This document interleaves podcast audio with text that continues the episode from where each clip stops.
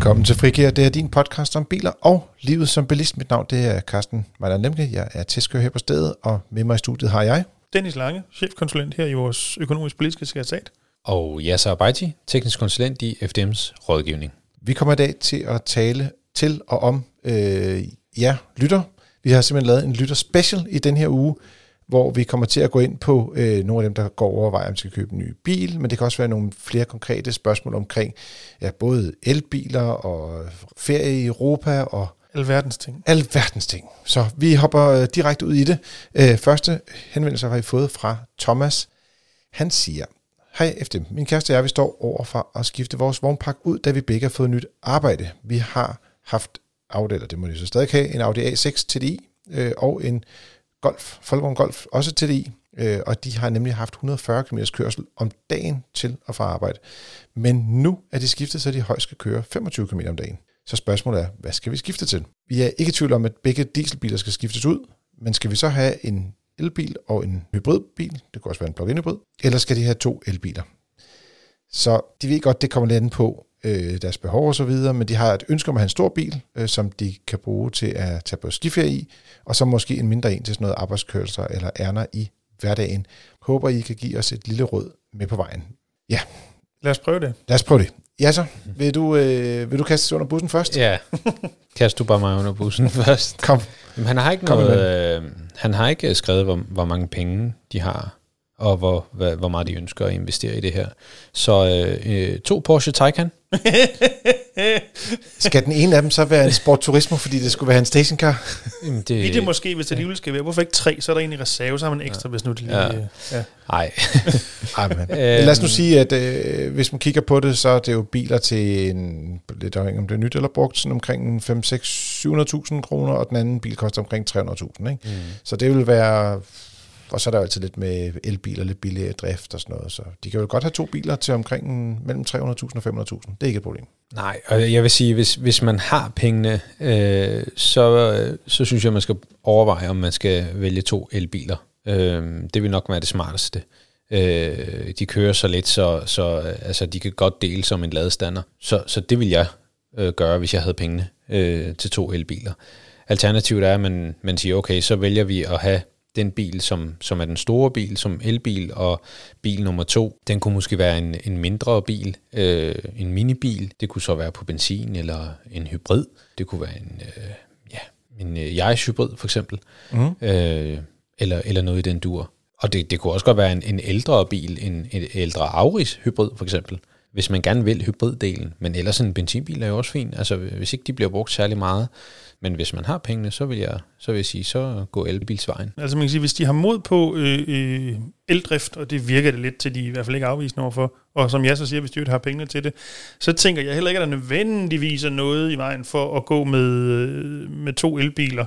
Øh, selvfølgelig også fortsat, hvad der rent faktisk kan lade sig gøre og, og købe i markedet derude nu, som vi jo før og blandt andet sidste uge har snakket om, at det kan der mm-hmm. være nogle udfordringer i. Øh, hvis jeg skal komme med en lille smule alternativ bud end, øh, end Jassers, det man måske kunne gøre, det er også set lidt til, hvad der måske rent faktisk kan lade sig gøre at købe. Man kunne jo overveje, om den store bil, om det skulle være en plug-in hybrid, øh, og i en af de, om jeg så må sige, er de bedre af slagsen forstået på den måde, så kan man nok slippe afsted med at køre på el til daglig og så har man stadigvæk øh, forbrændingsmotoren til, når man skal på skiferie. Men i visse tilfælde kan plug-in hybriden måske være nemmere at få fat i ude i markedet end, end elbilen. Øh, mm. Det meste af alt derfor.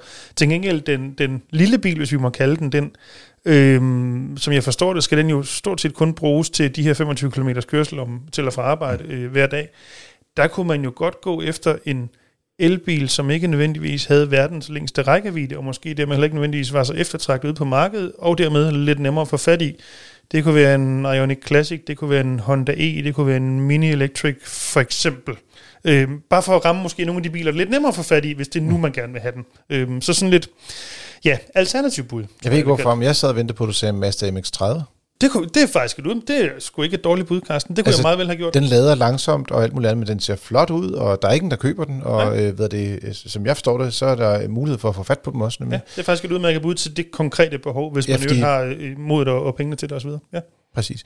Jamen jeg vil også sige, en, øh, en elbil til sådan måske omkring øh, 300.000 kroners penge, så sige, det er den lille elbil. Man kan ikke rigtig få billige elbiler, hvis man skal sige det på den måde. Det er De helt billige to- skal man lade være med. de helt billige, som øh, øh, Dacia Spring, øh, hvad er det, det skal man aldrig købe. Øh, men derudover, så er det, altså, man kommer op omkring 250.000, før der rigtig dukker noget op, som ser interessant ud. Mm. Og så når man begynder at kigge lidt på det, så tænker man, åh, oh, skulle man ikke lære det ekstra udstyr og sådan noget, så koster det omkring 300.000. Så den er jeg også med på. Og jeg tænker også ubetinget, når de siger, skal vi have en el-hybrid eller to gange el, så skal den ene af dem være elektrisk. Og jeg vil helt klart sige, det er den lille bil også, der er den rigtige at gå efter der. De siger også, at de godt kunne tænke sig at køre på skiferie. Og øh, er der noget, som elbiler ikke kan lide, så er det motorvejskørsel om vinteren. Så der skal de i hvert fald være motiveret for at sige, godt, så tager vi øh, enten øh, øh altså, længere væk er alberne heller ikke, eller Nordsverige for den sags skyld, der kører også lidt langsommere. Så det kan nok godt lade sig gøre også med en elbil. Men man skal i hvert fald have en bil, som der ligesom måske matcher det, de har været vant til for deres Audi A6, og det kan altså være svært at få fat på lige nu. Der kunne man jo, i hvert fald når verden bliver en my mere normal, så kunne man jo spekulere i, og hvis nu det var en elbil, man havde, og det var alberne, man stod på ski i, køre ned syd for grænsen, og så have lejet en bil, som man kunne fortsætte skiferien på. Øhm, så er man Ja, ikke helt så afhængig af at kunne lede op, op i alberne. Eller måske nogle venner, der har en, en bil, Ja, jo, jo, jo. som kan jo, jo. køre turen, men ikke har råd til at tage på skiferie, og så kan de sige, vil I prøve at køre elbil? Det er luksus. så kan de gøre det i mellemtiden. Ja.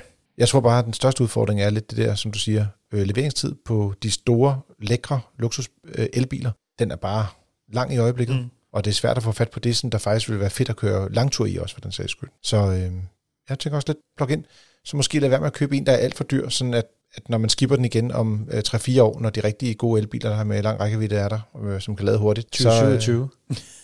2027.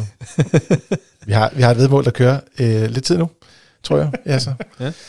Øhm, og øhm, så kunne det være sådan noget som, jeg ved ikke, øh, er det, bliver jeg altid i tvivl om det er Hyundai eller Kia, men der er noget Sportage. Det må være Kia, Ja, ikke? Kia. Yes, og så er der noget tilsvarende en Hyundai, der hedder noget andet, som også er i samme En størrelse. Tucson. Tucson. Tucson, det er rigtigt, lige præcis. I plug-in udbrududgaverne kan man faktisk få dem til nogle ret fornuftige penge, og øh, der er også ret god plads, øh, hvis man skal på langtur, og de har nogle ret gode rækkevidder i hverdagen nemlig. Så det tænker jeg også lidt, det er jo også lidt interessant, fordi at 25 km om dagen, ikke? Altså, jeg synes, det der er irriterende med plug-in hybriderne, det er, at man skal lade dem hele tiden, og du skal lade dem hver dag, ikke? Hvor der, hvis du køber en elbil, så kan du bare lade en gang om ugen, hvis du har så kort tur, som de taler om her. Jeg har et øh, spørgsmål til Dennis. Skyd. Ja, jeg har skrevet til podcasten, Dennis. så godt, ja så. Jeg Hvad, tænkte, hvad har du skrevet, altså? Jamen, jeg har skrevet, at øh, jeg vil gerne øh, vide lidt om reglerne i forhold til optagelser med et øh, dashcam. Ja. Ja. Øh, der er jo mange, der, der, der køber de her dashcam, og de bliver solgt i diverse bilistbutikker. Men hvad må man optage, og hvad må man ikke optage? Og må det her dashcam så monteres i, øh, i forruden? Eller, altså, hvad må man egentlig? Ja. Jamen, du er helt ret. Der bliver jo, mit indtryk er, at der bliver solgt flere og flere af dem. Der er flere og flere, der går rundt med dem derude. Øhm, og det ved jeg også noget, vi fra tid til anden bliver spurgt for vores medlemmer af i, i FDM. Netop, hvad må man egentlig med det her? Øhm, man kan sige, hvis vi skal starte med, hvad du må filme, som udgangspunkt må du kun filme på offentlig vej. Forstået på den måde, at du skal jo ikke holde og filme ind i folks have, for eksempel. Jeg ved godt, når du kører forbi haven, fred med det, men, men ja, det skal ikke, øh, dit film skal ikke ligesom begynde at få karakter tv-overvågning, hvis man kan sige det sådan. Det er det, der sådan ligesom er, er, er grund, grundpointen i det. Øhm, og så kan der være noget omkring, hvis der ligesom er enkeltpersoner i billedet, som så hvor de bliver det, man kalder det primære objekt i billedet, så kan der være nogle, nogle issues, i hvert fald hvis du vil offentliggøre filmen. Øhm, det må man som udgangspunkt ikke. Øhm, på samme måde er det også bedst, hvis man slår nummerplade, hvis man har tænkt sig at offentliggøre videoen. Men, men bortset fra det, som udgangspunkt, er der ikke noget vejen for at sætte et kamera op i forruden på, på bilen, som, som mange har, som jeg jo selv har, bortset fra det. Kameraet må selvfølgelig ikke hindre dit udsyn ud igennem forruden. Du skal kunne se uhindret ud. Typisk kan man jo gemme kameraet bag bagspejlet, og så er den sådan set løst. Øhm, og på samme måde, så må den strømledning, der er god grund skal til kameraet, jo heller ikke være i vejen for din kørsel. Øhm, men det kan man jo enten selv eller få nogen til at montere pænt, så ledningen i virkeligheden er skjult, og så er der sådan set heller ikke et problem der.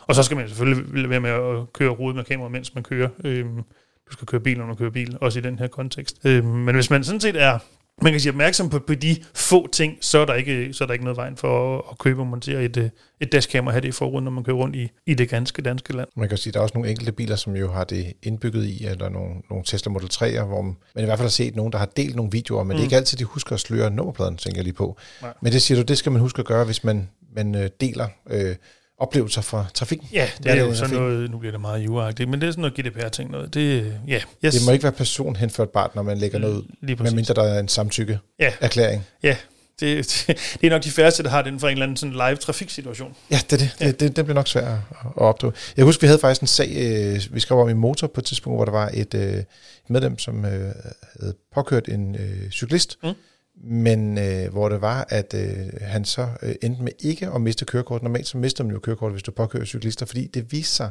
at cyklisten havde kørt over for rødt lys, og, at han, og det var, hvis, som jeg husker den dag, hvor det regnede også, så havde det været svært udsyn, men derudover så, så overholdt, altså han kørte over for grønt, og så kørte cyklisten over for rødt. Ja.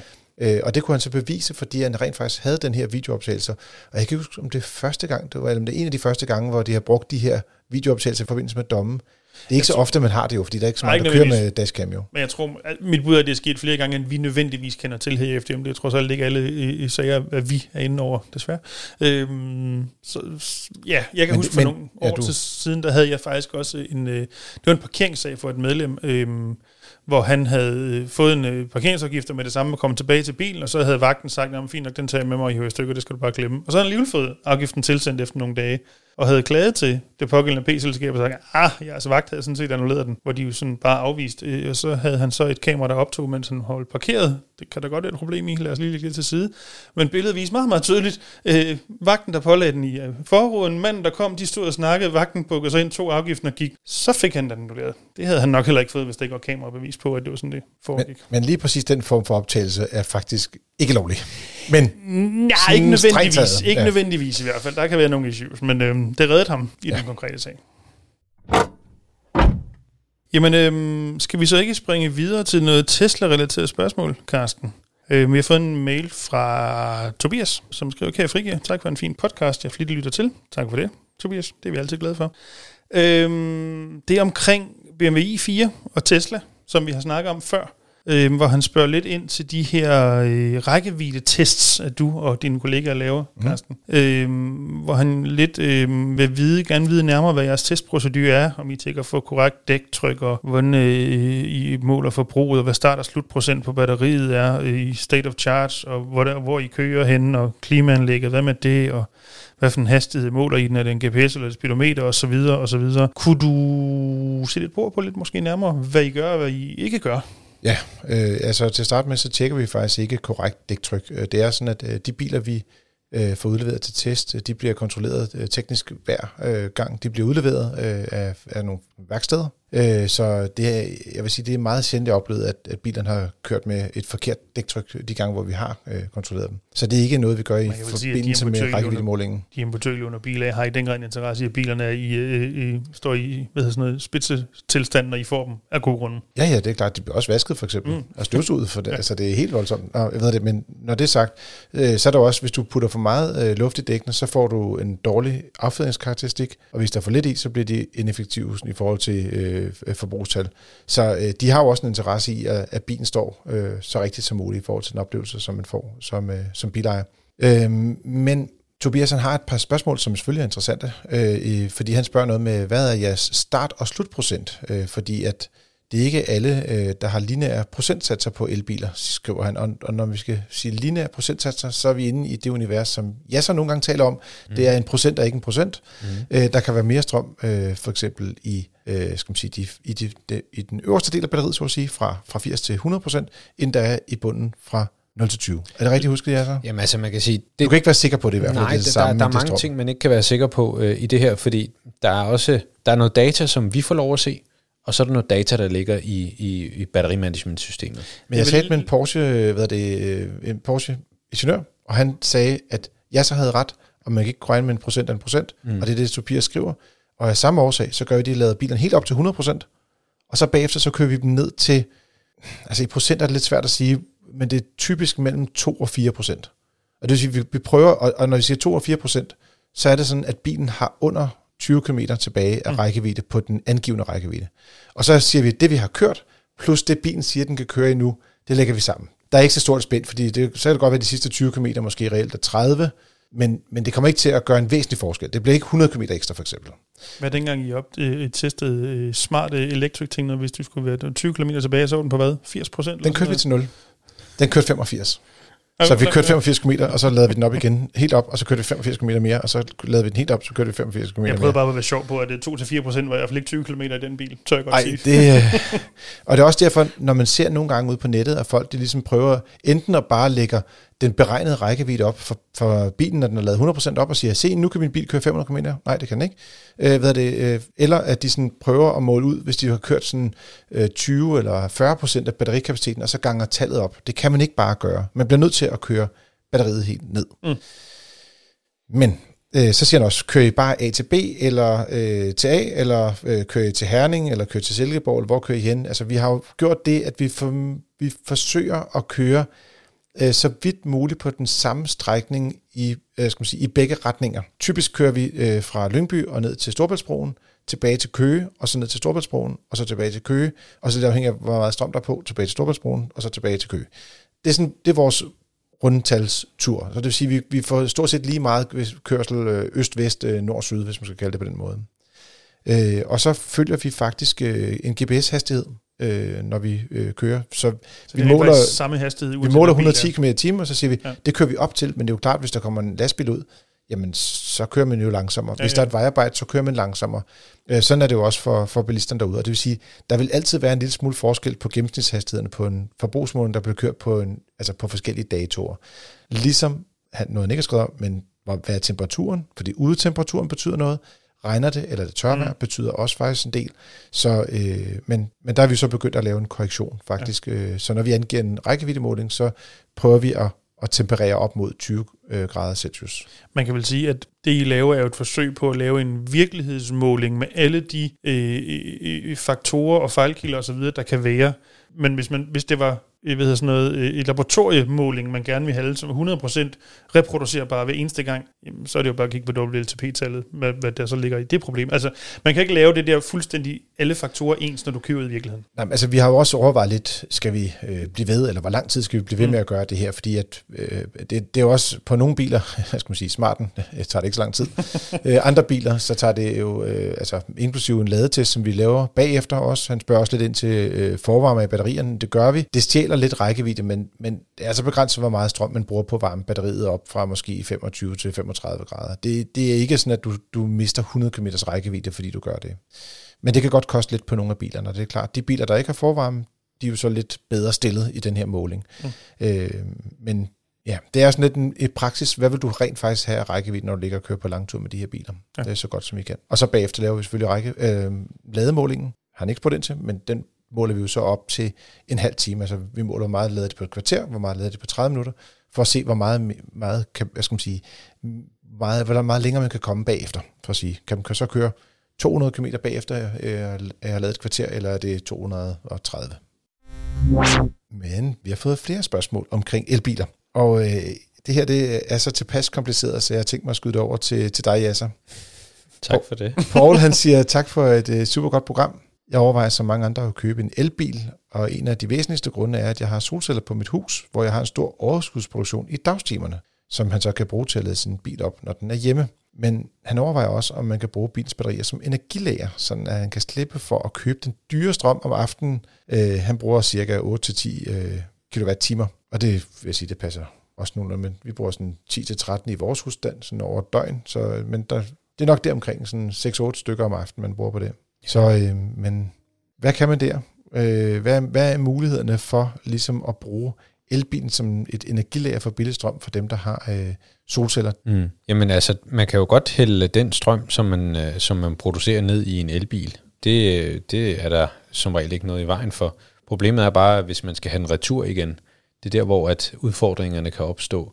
Som det er nu, så er det sådan et, et, et, et Chatemo, øh, altså hvis man har et CHAdeMO-stik, som der sidder i en Nissan Leaf eller en, en øh, Mitsubishi Outlander plug-in hybrid. Øhm, Så så er har, en uh, ENV 200, hvis jeg lige husker ja, rigtigt. ja, så har man, øh, og der er Jeg er også jo lidt kørt, stolt, at jeg kan huske, den hed. Ja. Øh, øh, og der er kørt nogle eksperimenter, øh, blandt andet inde, øh, inde i byen inde på Frederiksberg, øh, hvor at man har øh, sørget for ligesom at, at balancere nettet og så videre, og, og, og det, kan, det kan godt lade sig gøre. Men som det er nu, så er de nye elbiler ikke nødvendigvis øh, konfigureret til at, at, at, at sende strømmen retur igen. Mm-hmm. Og det man skal være opmærksom på, det er, at, at når vi bruger strøm derhjemme, så bruger vi jo strøm i vekselspænding. Det vil sige, når vi tænder vores komfur og lys og alt det der. Men når vi hælder strøm ned i en bil, så konverterer vi det om, og så lægger vi det ned som jævn strøm ned i batteriet. Når vi så skal have den retur igen til huset, jamen, så skal det jo ligesom enten komme øh, tilbage som vekselstrøm, eller også så skal man have jævnstrøm retur til huset, hvor man inde i huset konverterer det om til vekselstrøm. Så det er noget, som, som der kommer på et tidspunkt, og øhm, Carsten og jeg, vi har også været inde og kigge på, hvad, hvad, hvad folkevognen de også har. Øh, ja, det er ligesom teaset for, at alle, alle deres øh, biler med 77 øh, kWh batteri, det vil sige de fleste ID4 og også nogle ID3'er, de kommer til her formentlig med en softwareopdatering i slutningen af året, øh, og de, de har endda sagt, det er år 22, mm. øh, at der så bliver mulighed for... 30-22. Ja, præcis. Ja. det bliver det omkring. Ah, det kan, de der softwareopdateringer, de, de skubber altid lidt. Ikke?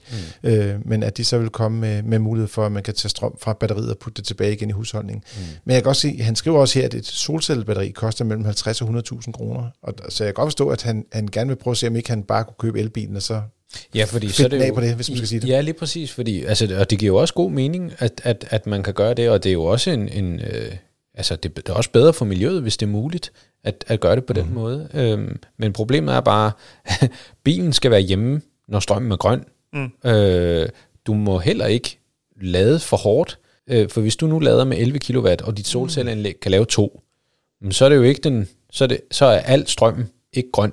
Så kan det være, at noget af den er grøn, og noget af den er sort. Øh, og så betaler du, så, så betaler du, altså så bliver det ikke så billigt nødvendigvis.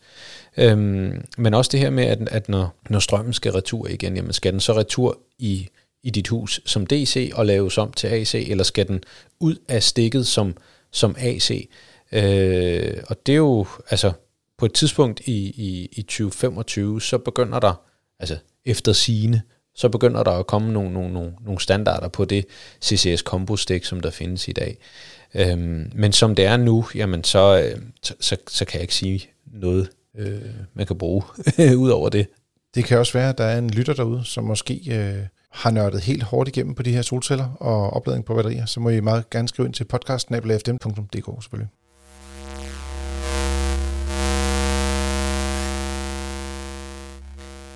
Hold da op, den var fin den der.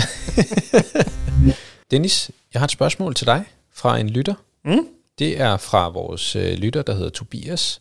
Øh, han har rigtig mange Tesla-fejl, og han er mega træt af sin bil. Og han siger, at han lytter til vores podcast, og han synes, vi kommer godt omkring alle mulige forskellige emner, og han er stor fan, tak for det. Øhm, men han er så træt af den her bil, og han er en gadget freak, som han siger, og han elsker sin bil, men han var så træt af, at den hele tiden går i stykker. Øhm, og den har været på værksted efterhånden 13 gange. Og den her bil, den har 4 års garanti, eller 80.000 km, hvad der end måtte komme først. Bilen er ikke mere end, end, end, end lidt over to år gammel, men han kører meget, så han er tæt på de 80.000 km. Og det, som, som, som han ligesom har af spørgsmål, det er, hvad kan jeg gøre? Altså, hvordan, hvordan står man som forbruger med en bil, der er så fejlbehæftet? Kan man eventuelt få FDM til at hjælpe med at lægge pres på Tesla for at købe den tilbage? Eller skal man bare acceptere, at bilen bare hele tiden går i stykker, øh, og så når den er ud over fabriksgarantien, at han så skal betale egen lomme? Hvad har man af muligheder, og er der overhovedet nogle muligheder? Det skal lige siges, de ting, som, som han har døjet med, det er nogle altså justeringsfejl. Altså, så er der en bagklap, der ikke lukker til, eller nogle vinduer, der skal justeres, og noget varmeapparat, der ikke fungerer, og nogle bærearme og bakkamera-fejl osv. Øh, og indtil videre har Tesla jo lavet tingene øh, uden øh, brok, men hvad er hans muligheder? Det lyder som, man har fået en øh, god, klassisk amerikansk kvalitetbil. Det er en, en klassisk mandagsbil, må man sige. Øh, ja. Det, Som man sagde i, i gamle, gamle ja, dage. det er rigtigt. Det er rigtigt. Øhm, det er jo en super ærgerlig situation at stå i, uanset om det er sådan en Tesla eller alle mulige andre biler. Der er ikke noget værre, når, når skidtet, især når en ny bil, bare går i stykker hele tiden. Øhm, det er svært at sige noget generelt om, hvad han sådan helt konkret kan gøre på baggrund af alle de fejl, han har haft. Øhm, man kan sige, hvis, hvis der ikke er nogen fejl nu, og der heller ikke når at komme nogen, så kan han i hvert fald slet ikke gøre noget. Øhm, det kræver ligesom, at der er et, et, et aktuelt problem. Man kan sige, det man jo skal ind og, og overveje, det er om alle de her øh, tilfælde, hvor, hvor der har været noget galt med bilen, hvor den har skulle have værksted, og dermed det besvær, det afsavn, og det øh, øh, øh, ulempe, at han har måttet lide af, at han så ikke har haft sin bil i x antal perioder, men det er så nok til, at man køberetligt kan sige, jamen så må øh, øh, vi hæve handlen, altså at bilen skal tilbage igen. Øh, det er svært at sige noget generelt om. Øh, nu bed jeg vist nok mærke i, at Tobias var medlem, tror jeg nok, og hvis han ikke er det, så kan han jo blive det. Det er han, han er medlem. Fordi lige præcis sådan en her, der bliver man nødt til at kigge helt konkret på sagen, og den dokumentation, der ligger i sagen osv. Så, videre. så der vil jeg faktisk råde til Tobias til at samle sammen, hvad du har, og sende det ind til vores juridiske rådgivning, så de kan kigge din sag konkret igennem og komme med, med det helt rigtige råd til, hvad muligheder er der eller er der ikke øhm, for dig.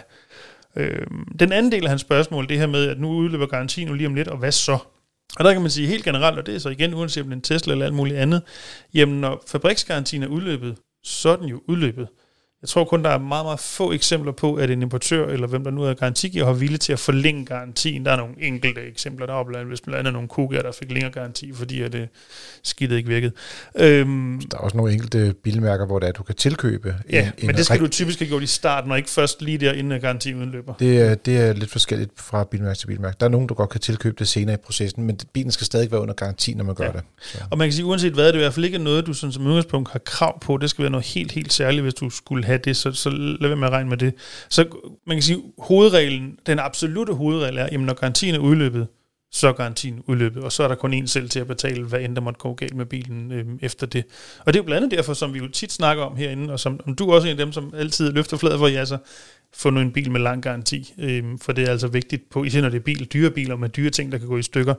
Øhm, så ja, det er super ærgerligt, når man har sådan en bil, der er problemer med, men øhm, ja, det er ikke altid, når vi skal gøre noget lige nu. Men igen, Tobias, send din sag ind til vores øh, rådgivning, så øhm, kan de kaste et nærmere blik på det. Kunne man tilføje en sidste ting, så øh, skulle han jo måske være glad for, at øh, priserne, brugpriserne er så høje i øjeblikket, og priserne er selvfølgelig også steget på nogle af de nye modeller, så han kunne jo også overveje at, simpelthen at sælge sin bil og købe en ny, så han fortsætter med at have garanti på den næste bil, som, altså jeg vil sige, jeg tror også, han har været uheldig her. Forhåbentlig da. Ja, og han kunne måske endda være heldig at købe en bil, der måske bare er et år gammel, eller kom fra Tyskland, hvor der, der stadig er noget garanti på, øh, hvor der ikke er blevet kørt så mange kilometer på, hvor han kan bytte til en, til en fornuftig penge. Måske. Ja. Øh, og, og så er det jo, hvis man sælger sådan en bil, sælger den til en forhandler, så har de ligesom en anden pligt til at undersøge det. Hvis man ved, der er en konkret fejl, skal man jo sige det, når man skal sælge den. Ja, det, det, det, er er meget vigtigt. til, men det er rigtigt, forhandleren har det, man kalder undersøgelsespligt. Ja, og, og så på den måde vil jeg sige, hvis man har sådan en bil, man synes, der måske er lidt mere øh, sådan mushy, eller lidt mere, øh, har lidt, flere fejl, end man burde for, have, forvente at få, så kunne man må godt, måske godt anbefale at sælge den øh, skal man sige, professionelt, i stedet for at sælge den til en privatperson. Mm. Ja, ja. var det den passende lyd, du fandt der, Carsten? Det var, øh, det var øh, outro, skulle til at sige. Tuba outro hedder den. Jeg synes, når det er sådan en, altså når man har sådan en ærgerlig sag. Ja, men det lød også til, at den der tuber, du har fået fat i, var belagt med noget helt uh, specielt. Og uh, i den overgang, så synes jeg, vi skal snakke om keramisk coating. Bada bing. Tak til Kåre. Øh, det er øh, Rabia, der har skrevet ind til os. Øh, Hej Fri, tak for et godt program. Selv tak. Øh, hun spørger ind til keramisk coating. Hvad vi synes om det, øh, om, om det virker, om, øh, om, om noget er bedre end noget andet, øh, og så videre. Øh, og så er der et spørgsmål noget helt andet. Skal vi tage de to hug? Lad os starte med den keramiske coating. Giver det mening? Kan det betale sig? Ja, de kan er, så, for, de er så forskellige, vi bliver nødt til at tage dem en af Ja, det tænker jeg. Men det, det er begge to interessante spørgsmål. Absolut. Absolut. Så lad os hoppe derned i. Yes, jamen... Øh, Mr. Ceramic. Ja, ceramic. Jamen, er en keramisk coating pengene værd? Øh, er en keramisk coating god? Det er øh, et spørgsmål, vi også får i vores rådgivning. Mm. Mm. Og hvad svarer I så? og øh, vi svarer sådan lidt, det kommer også lidt an på, hvem man er, og hvad, hvad det er for, for, altså, hvad det er for en, en, en type bil, og hvad, hvad ønsker man at investere i det her. Øh, keramisk coating skal gerne laves af nogen, som har forstand på det. Altså, du skal ikke sætte sådan en som mig til at lave mm. øh, keramisk coating. På helt det. heller ikke Dennis. Heller ikke Dennis. Nej. Lige, lige præcis, fordi der, der Eller mig. Lige præcis, fordi, fordi når man laver en, en keramisk coating, så er det noget, som går ind som en del af lakken. Det vil sige, at man bearbejder lakken, og den skal gerne være så fejlfri som muligt, øh, og være så ren. Øh, og mange gange, jamen, hvis det også er en, en brugt bil og så videre, så skal den øh, poleres og så videre. Og så har man et, hvad kan man sige, et sundt øh, grundlag at arbejde ud fra. Og så kan man så coate bilen med det her øh, keramiske coating. Ja, for pointen er vel, om ikke andet teoretisk, øh, at, at du gør lakken stærkere, eller du lægger et stærkt lag hen over lakken, som gør, at lakken holder så pænt længere. Lige præcis. Ja. Så, så du ligesom du sætter et, et, et, en, en, en flydende hinde på, hvis mm. man kan sige det sådan, som bliver en del af lakken, og, og, og, og som, Screen protector til, til lakken. Ja, og så over tid, jamen så øh, hvor- alt efter, hvor, der, hvor ofte man vasker sin bil, og hvad den nu kommer igennem, og sol og alt sådan noget her, jamen, så begynder det her så at, at, at svide ind, kan man sige. Og på mm. et tidspunkt, så er, der ikke, så er der ikke så meget mere keramisk coating tilbage. Men det, det er super godt, fordi at det gør også øh, vask af bilen nemmere. Øh, hvis man er typen, som vasker bilen øh, i hånden selv og så videre, jamen så, øh, så, så er der ikke så er der ikke s- så meget uren hud, hvis man kan sige det sådan, øh, at arbejde med. Det er nemmere at, at gøre rent, og den er mere modstandsdygtig, og vandet perler sådan lidt mere af, når man kører.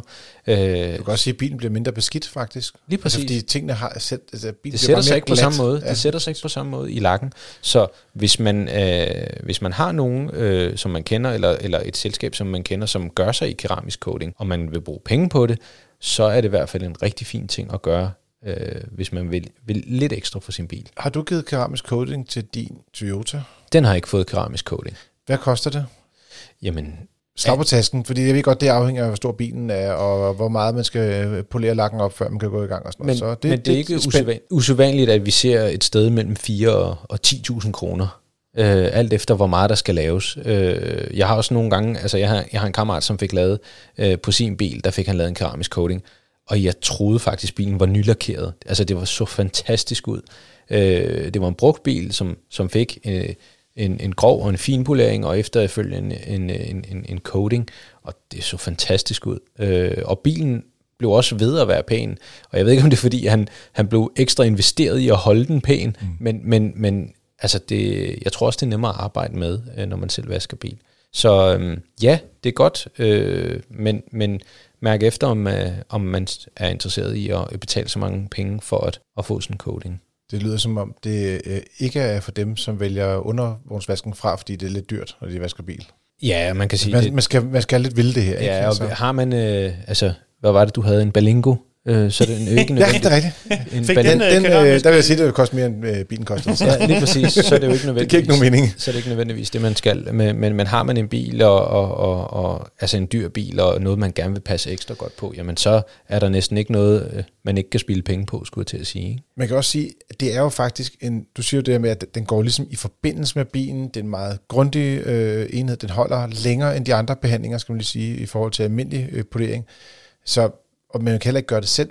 Så hvis man er sådan en gør det selv type, så tror jeg, man vil få mere. Hun spørger, er der andet, der er bedre også? Mm. Øh, der tænker jeg lidt, jamen hvis du godt kan lide at, at, at, at pusse bilen op, eller vaske bilen, øh, så kan du godt klare dig på andre måder. Altså jeg, jeg kan selv godt lide den der skyllefri vask. Den synes jeg er ret nemt. Den, den har slet ikke noget med keramisk coating at gøre, men den giver en anden overflade på bilen, øh, og gør det nemt at vaske bilen. Men, men det kræver, at man gider at, at vaske bilen selv, for at, ligesom at, at få glæde af det. Øh, Så er der sådan nogen som mig, der bare kører i vaskehallen, og jo stort set konsekvent vælger den billigste vask hver gang. Jeg har den- engang hørt en gammel FDM-kollega sige, at øh, det kan simpelthen ikke betale sig og andet end den billige vask. Så det gør jeg. han var også flink, og han havde også ret. Det, det regner jeg med, ja. Nå, øh, det var den ene øh, del af spørgsmålet. Den anden del er som sagt noget helt andet. Øh, Rabia spørger ind til øh, bilabonnementer. For eksempel det produkt, der hedder Drive, som er noget, øh, Simpler-koncernen har, har skruet sammen en anden måde at have bil på, så at sige. Øh, om der er noget, man skal være opmærksom på, øh, om vi ved, at det fungerer godt. Øh, øh, jeg synes, det er ret nyt og en helt anderledes måde at have bil på. Ja, det må man sige. Det er jo sådan et eller andet sted imellem... Det er jo mere leje, end det er noget andet i virkeligheden. Øh, og så typisk kan du skifte bil ret tit. Øh, du behøver ikke, men du kan. Det er jo det, der ligesom er typisk ja. en af af grundene, i hvert fald i, Drive-konceptet.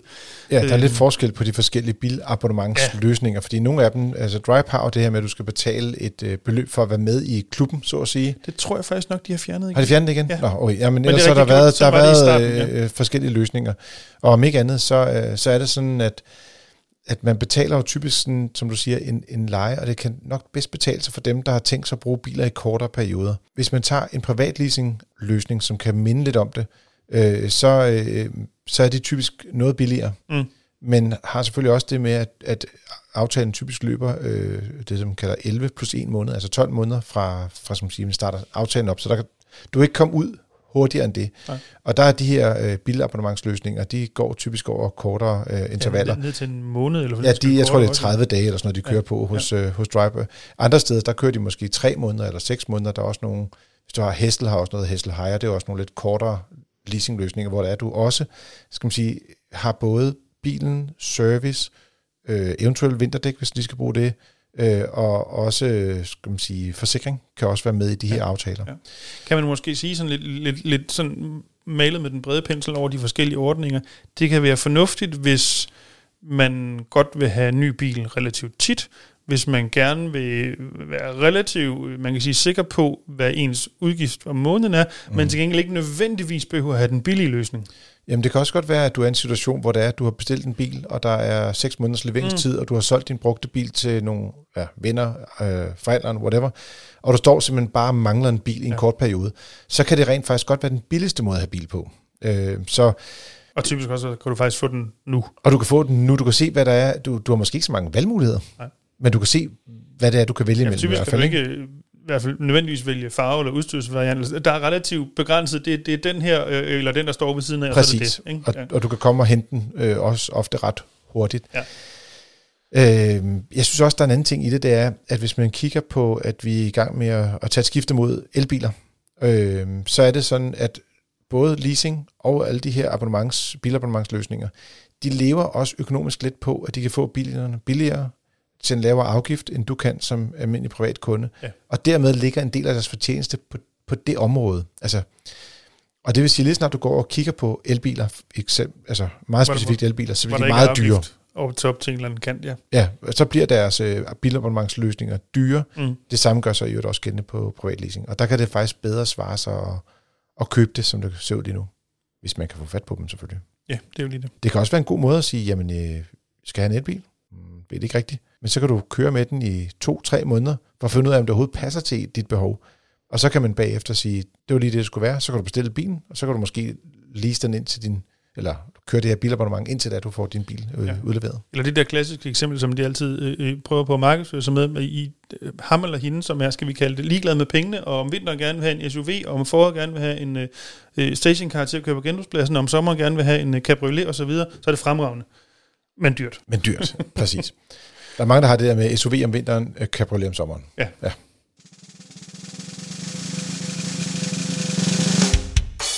Og så tager vi det sidste spørgsmål i dag. Det er kommet fra et par forskellige medlemmer. Det er både John og Herr Kern.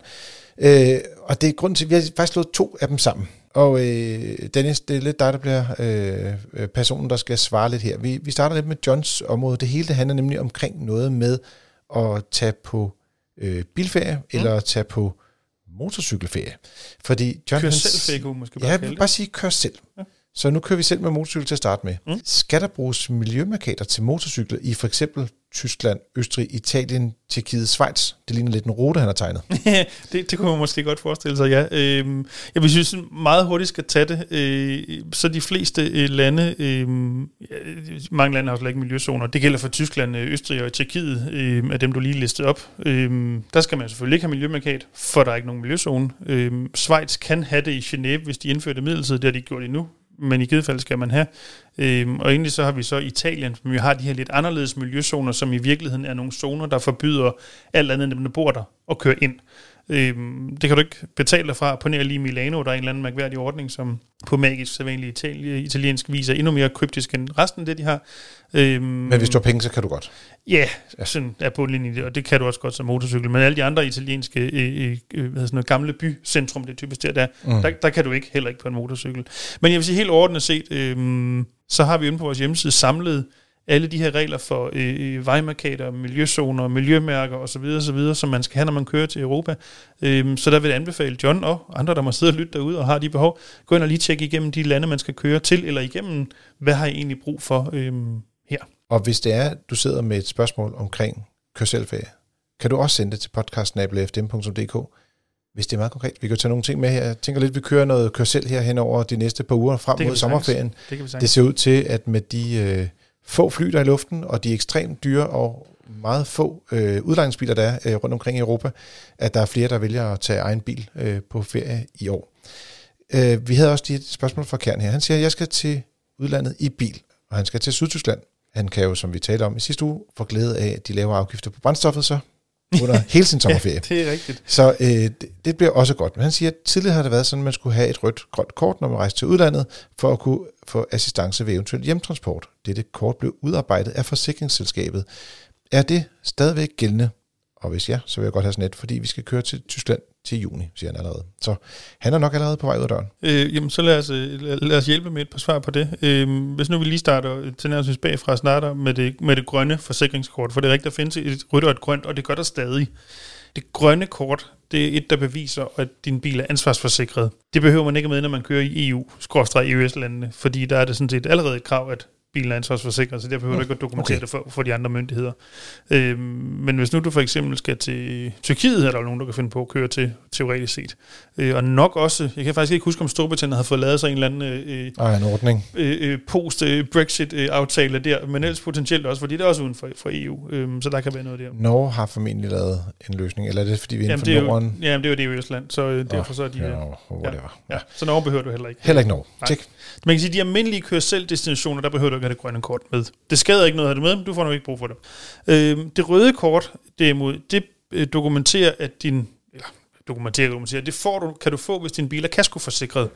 Og det er i virkeligheden en måde at gøre det lidt nemmere, hvis du skal have autohjælp, når du, hvis det går galt ud i udlandet, som din kaskoforsikring dækker. Øhm, og det røde kort er langt hen ad vejen virkelig bare en oversættelse af, øh, øh, hej, jeg har kørt galt, kan du hjælpe mig med din, auto, med din hvad hedder sådan noget, øh, fladvogn og køre et eller andet sted? Det er ikke det, der står. Men, I rundetal. Ja, i rundetal. Ikke? Hjælp mig, nogen betaler. Ja, præcis. Øhm, og indtil for få år siden, så var alle øh, forsikringsselskaber i Danmark tilknyttet det, man kaldte rødt kortordningen. De fleste er stadigvæk. Mm. Øhm, det findes nu om dagen både som sådan et fysisk papirkort, man kan bestille ved sit forsikringsselskab øhm, og få tilsendt og tage med, men det findes jo også som en app, øhm, som man sådan set bare kan downloade. Ligesom man kan få et kørekort. Ja. Hvis jeg så lige skal sige, så man skal huske at have med fysisk, hvis man tager til udlandet. Ja, er det der gælder kørekortsappen ikke. Præcis. Ja, Godt. er du fuldstændig ret i.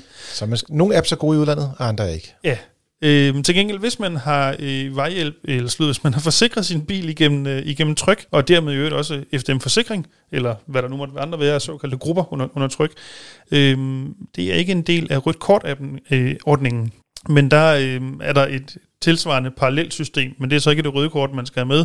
Der skal man tage fat i, øh, i, i tryk vejhjælp, og så få hjælp den vej rundt. Øh, de virker på samme måde, du skal bare ikke have det røde kort med.